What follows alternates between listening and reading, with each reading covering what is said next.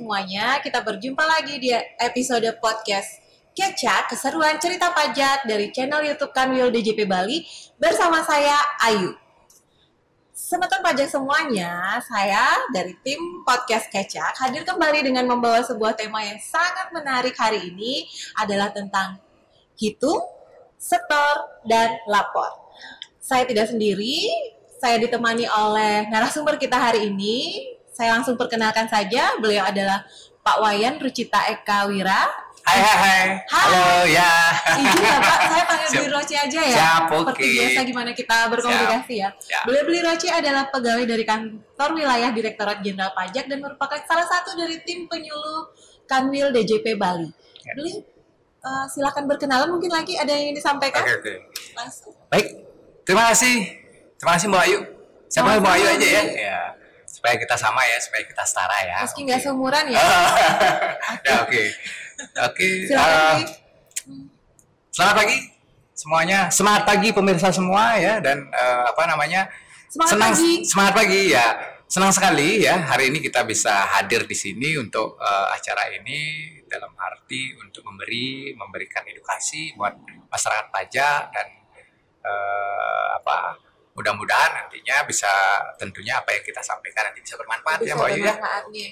Karena podcast Kecak akan selalu hadir menemani semeton pajak semuanya, Hmm, memberikan iya. informasi terkini Iya. dengan bahasa-bahasa ringan sehingga akan lebih mudah dipahami. ya. Oke, sip, sip.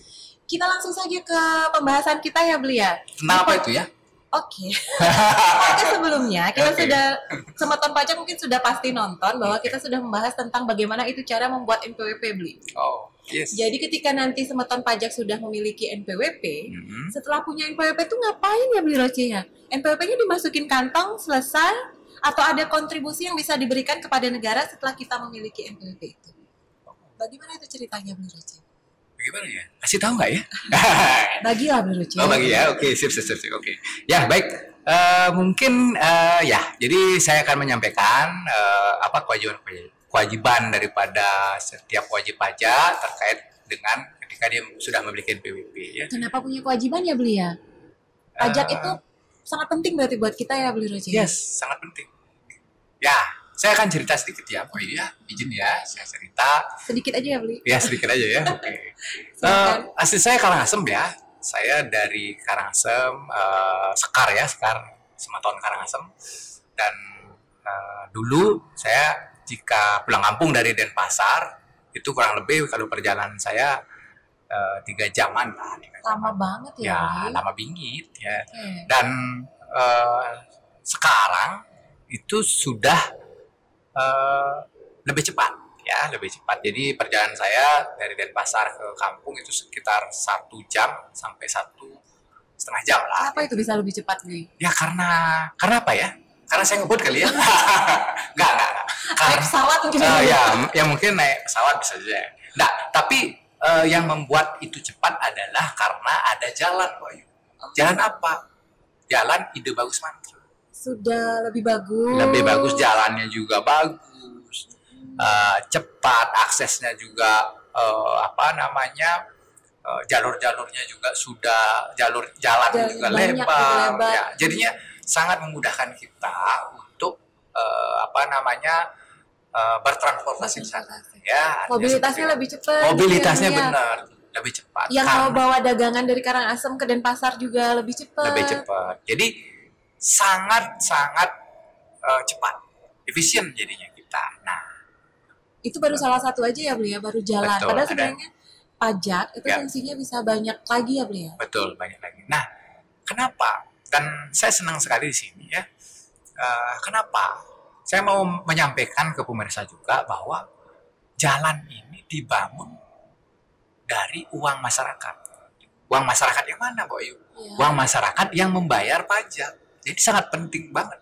Jadi saya berterima kasih buat orang-orang yang membayar pajak. Kita kasih plus dulu buat yang bayar pajak ya ya. Eh, ya, Oke, oke. terima Nah, kasih. oke ya.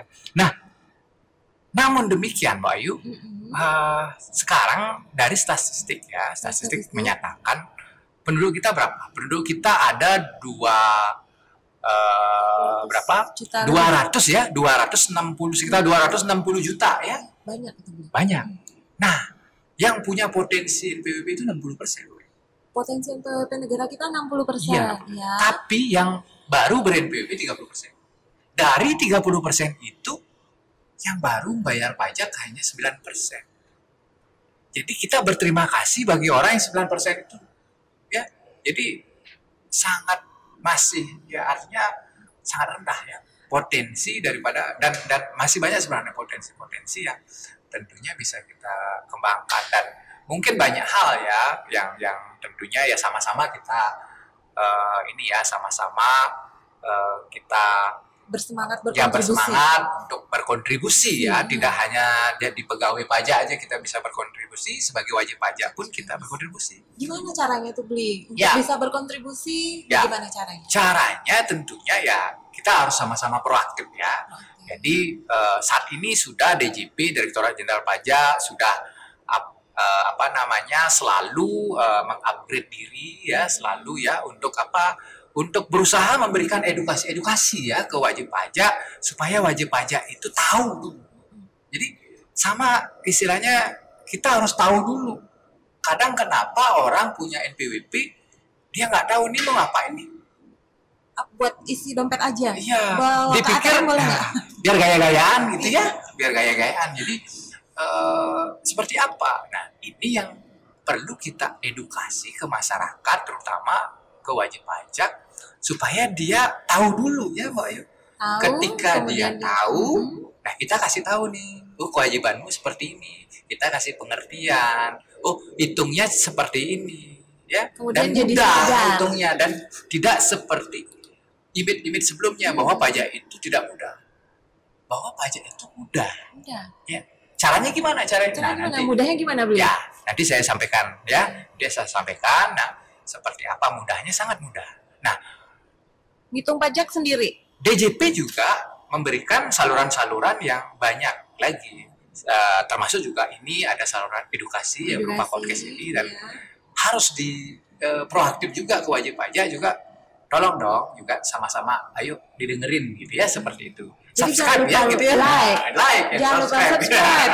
Kemudian kalau rasanya penting share langsung Iya, di media saya- sosial ya beli media ya. sosial betul supaya apa supaya banyak oh, Semakin apa banyak semakin yang tahu. banyak orang tahu dan nantinya bisa mengerti ketika mengerti pilihan mereka harapan kita adalah bisa sadar Sadar. sadar membayar pajak gitu ya Nah. seperti itu dan bagaimana caranya sangat mudah baik Langkah pertama. langkah pertama pertama adalah yang namanya sistem pajak kita adalah self assessment ya Apa Self- itu beli self assessment? self assessment itu adalah gimana eh, kita mendaftar ya, Hmm. menghitung, memperhitungkan, kemudian membayar dan melaporkan pajak kita sendiri. Jadi yang ngitung tuh sebenarnya wajib pajak sendiri ya, Iya, beli wajib ya. pajak sendiri. Nah, ada pertanyaan, uh gimana sih Gimana ngitungnya? Iya, Iya. katanya susah. Ya, sebenarnya kuncinya di sini adalah pertama kali misalnya daftar ya. Ya. Pertama kali, Sudah oh daftar, saya sudah punya PWP. saya sudah berusaha nih. Oke, ketika berusaha saya harus daftar dong Ya. punya NPWP, oh harus daftar NPWP. Nah, daftarnya apa? Sudah dipermudah ya. Di podcast sebelumnya sudah Ya. disampaikan kayak bagaimana caranya daftar mudah. Pakai online aja kan mudah ya.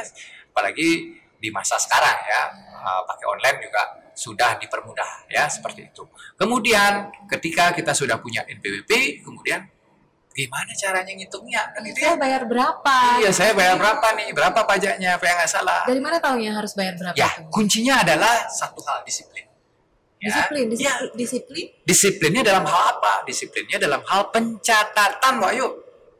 Jadi yang dicatat Ya. adalah Jadi yang dicatat ya, ya berapa penjualannya? berapa Ya, penjualan. berapa sih penjualan saya per hari gitu ya? Oh, per hari penjualannya segini nih, kita catat. Ya, eh, dan kuncinya disiplin sampai dengan penjualan satu bulan. Satu bulan. Setelah tahu penjualan satu bulan Setelah tahu penjualan satu bulan, tinggal kita kalikan saja untuk UMKM. tarifnya untuk yang pajak UMKM. UMKM. Ya, yang untuk yang sederhana ya kita anggap usaha yang sederhana ya, Ya, UMKM. ya. UMKM itu ketika memiliki omset di bawah 4,8 miliar setahun ya. Anggaplah eh, pajak eh, UMKM yang sederhana ya. Jadi tinggal kita kalikan berapa omset penjualan kita Ya, selama sebulan, sebulan. selama sebulan Yang sudah disiplin dicatat itu. yang sudah disiplin di atas tinggal kalikan 0,5 persen. Gampang nggak kira-kira?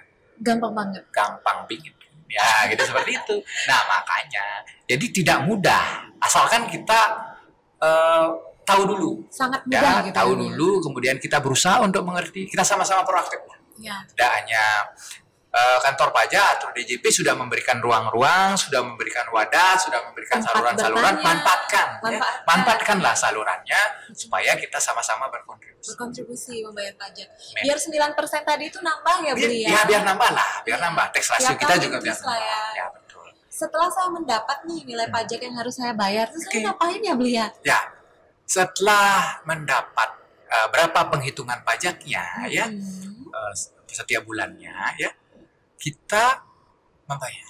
Jadi Bayar. ada dari menghitung, ada membayar Mbak Ayu. Setelah tahu harus berapa hasil hitungannya, Ya, kemudian nilai tersebut dibayar. ya dibayar. Ke mana bayar? Nah, oke, baik. Terima kasih Mbak Ayu. Nah, membayarnya itu kita harus menggunakan e-billing ya, kode billing ya. Kode billing. Ya, kode billing itu juga di- dibuat eh, oleh DJP. Ada banyak salurannya, Mbak Ayu. Saluran-salurannya banyak.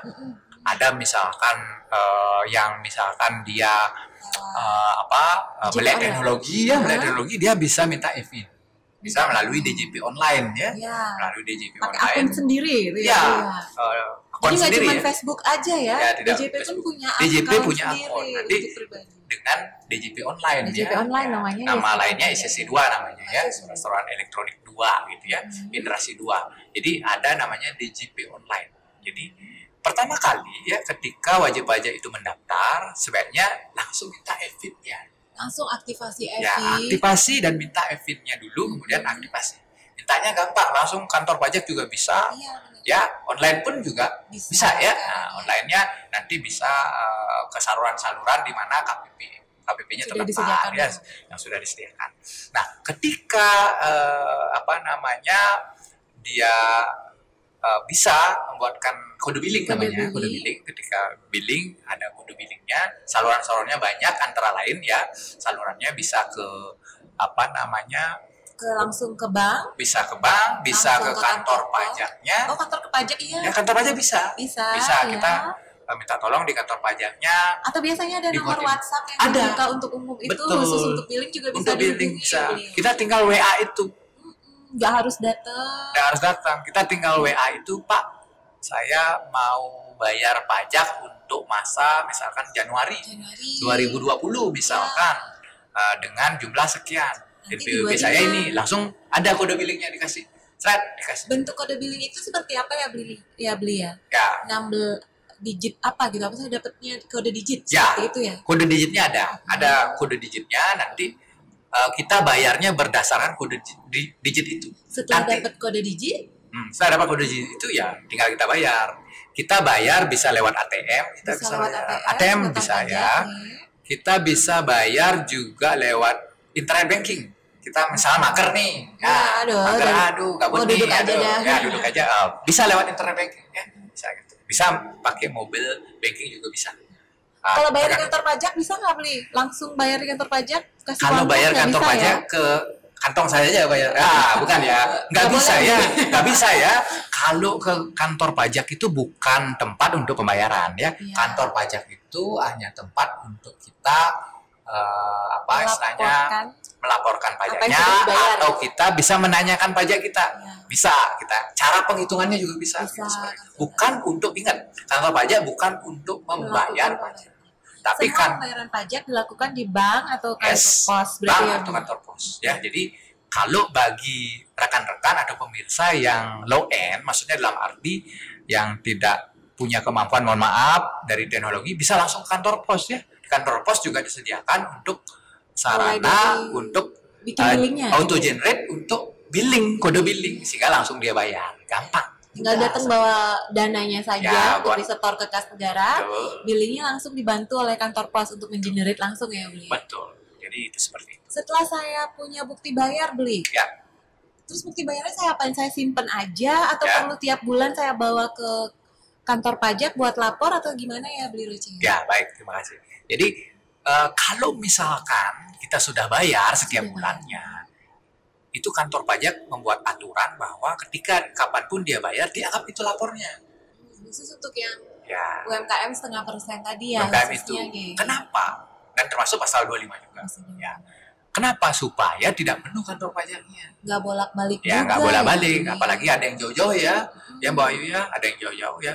Tinggal kita bayar, sudah bayar, kelihatan bukti bayarnya sudah selesai. kapan harus Kapan? datang ke kantor pajak Bli? Kenapa? kapan Ya. kapan kita harus datang ke kantor pajak Oke, jadi eh, ke kantor pajak itu apabila kita eh, misalkan ada hal-hal yang patut kita tanyakan, hal-hal dapat kita tanyakan, eh, sepertinya ke kantor pajak sudah harus eh, udah nggak harus datang gitu ya ya sekarang tidak ya? harus datang, jarang, ya ya tentunya dengan kondisi sekarang, apalagi eh, kita sudah apa digitalisasi lah istilahnya, udah elek semua konsultasi elektronik, bisa ya online. Konsultasi bisa online kemudian eh, apa hal-hal kita nggak perlu pun. sudah eh, tidak perlu datang. Nah kemudian Setelah- ada juga setelah membayar ada lapor. Lapor. Bayu tadi kan sudah nih hitung. Ya hitung kemudian, bayar, membayar.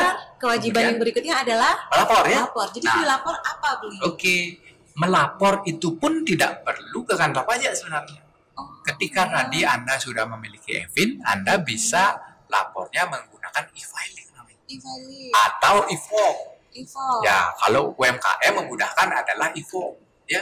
Jadi sangat penting sekali uh, kita uh, tahu itu. Nah, caranya, aduh, saya belum tahu nih, belum ngerti caranya buatnya kira-kira gimana ya. Nah, Ini saya gaptek nih Bli iya gaptek nih, kira-kira gimana. Nah, di sini ada namanya uh, kantor pajak juga nggak kalah ini ya strateginya. Dia menyiapkan namanya help desk Update. namanya istilahnya ya namanya eh, help desk itu artinya petugas pajak yang bisa membantu membantu. siap membantu bagi wajib pajak wajib pajak yang mau diedukasi Ya, mau diedukasi artinya yang penting mau sedikit inilah sedikit untuk ke kantor pajak dulu deh gitu kan Iya. Eh, apa buang dulu image bahwa kantor pajak itu menyeramkan ya Bukan. enggak sekarang sudah tidak zamannya seperti itu Pak Ayu Benar, benar. ke kantor pajak justru kita malah enjoy ya. Enjoy. Malah kantor pajak kadang di samping kita berikan edukasi kita dikasih minuman gitu ya. Iya. Ya, kita-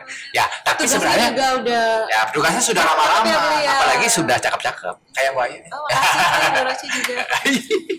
ya, itu seperti itu ya. Ya, baik. Nah, itu caranya. Jadi eh, sangat mudah ya, sangat mudah sekali dan apa namanya? Dan ketika misalkan ah males juga nih saya ke kantor pajak nih juga eh, apa namanya? Apalagi ketemu Pak Roce gitu ya, ya males ya gitu. Nah terus yang lain gimana? Saluran? Nah manfaatkan saluran saluran yang lain. Yang Bisa kita dari pajak Go ID di, Ya. di DJP online itu sendiri sudah ada juga uh, uh, caranya untuk bagaimana petunjuk pengisiannya. Itu kita bisa belajar dari rumah bisa. Atau bisa di menu-menu yang namanya sekarang dunia maya ya udah uh, informasi, Informasi itu bisa beyond ya. artinya bisa terbuka bisa lewat Google bisa. Jadi di sana ada Ada jadi juga. ada kita Jadi bisa nggak harus ke kantor ngambil perlu lagi kantor, seperti itu betul. enggak ya beli ya bisa langsung lapor online. Betul. Nah, kalau ada nih dari itu bayar lapor tadi ada yang nggak dilakuin, Oke. apa yang akan terjadi pada sekutor pajak nih kalau Ya. sudah memiliki NPWP? Uh, baik.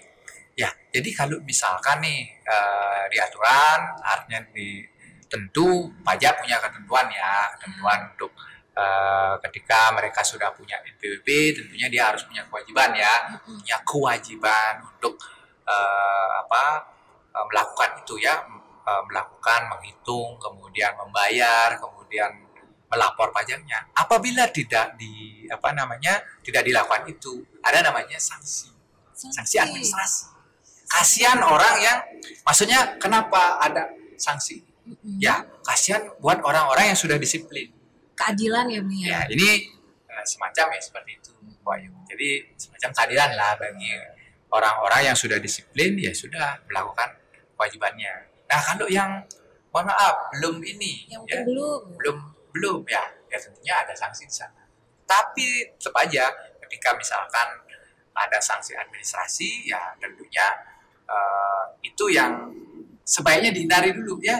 Nah, makanya Jadi dilaksanakan kewajibannya dengan patuh. waktu tepat waktu. Tepat Jadi kalau waktu. misalnya seperti tadi kita bayar untuk bayar sebelum tanggal 15 ya. Sebelum tanggal 15 bulan berikutnya. Misalkan kita untuk bulan Januari nih 15 Februari ya. Jangan sampai lewat dari itu ya Mbak ya. Atau juga ketika melaporkan menggunakan IPOP SP tahunan Sepeda ya. tahunan. Kapan Ya. itu beli? Lah ya lapornya ya paling lama adalah tiga bulan setelah akhir tahun pajak.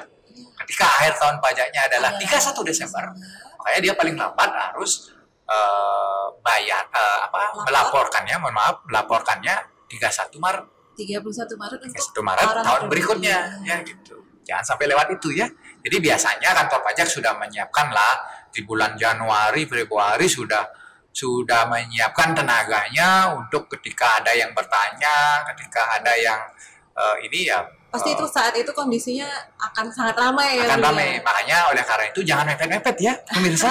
ya eh, apa? Jangan mepet-mepet, permisa. Jadi harus di eh, apa sebelumnya juga harus kita. Yang kuncinya yang satu tadi ya, boy, disiplin. Disiplin. Disiplin dalam hal apa? Dalam hal mencatat. Catat. Catat setiap hari berapa sih penjualan kita? Kita catat. Ya. Setelah berarti tadi kalau boleh saya simpulkan Yes. pembicaraan kita sangat menarik, Beli. Yes. Nanti kita request aja kalau untuk uh, lebih detail untuk per sektor atau gimana kita kita request. Kalau untuk semeton pajak juga mungkin ada yang ingin ditanyakan lebih lanjut boleh dikirim di kolom komen kita. Nanti atau ada. Ya. saya mau dong dibahas lebih detail tentang 1770 isinya itu seperti apa? Boleh nanti tinggal masukkan di komen. Kalau kes- dari pembicaraan kita episode kali ini obrolan ringan kita tadi Oke. saya simpulkan sedikit, berarti kewajiban pajak itu lanjutan setelah memiliki NPWP adalah bagaimana kita menghitung, disiplin melakukan pencatatan, Yes. kemudian setelah dihitung kita dapat nilai yang harus kita bayar, bikin kode billing, kita bawa langsung ke kantor pos atau bank persepsi. Setelah melakukan pembayaran, kita tunggu kewajiban lapor untuk UMKM yang tadi setahun sekali, Setahun sekali ya. tiga bulan setelah tahun pajak berakhir. Baik. Baik semeton pajak, bagaimana sudah mulai cukup tercerahkan ya semuanya ya. Ya. Penjelasan dari Biro C tadi sudah sangat jelas Eh, di episode podcast kita kali ini. Mari bersama-sama kita tingkatkan kepatuhan kita dalam melaksanakan kewajiban perpajakan sesuai dengan ketentuan. Untuk tema-tema berikutnya, kita akan bertemu lagi di episode podcast berikutnya dengan podcast Kecak, keseruan cerita pajak Kanwil DJP Bali. Sampai jumpa. Terima kasih Pak Roce. Ya, sama-sama, Bayu. Ya, terima kasih. Salam.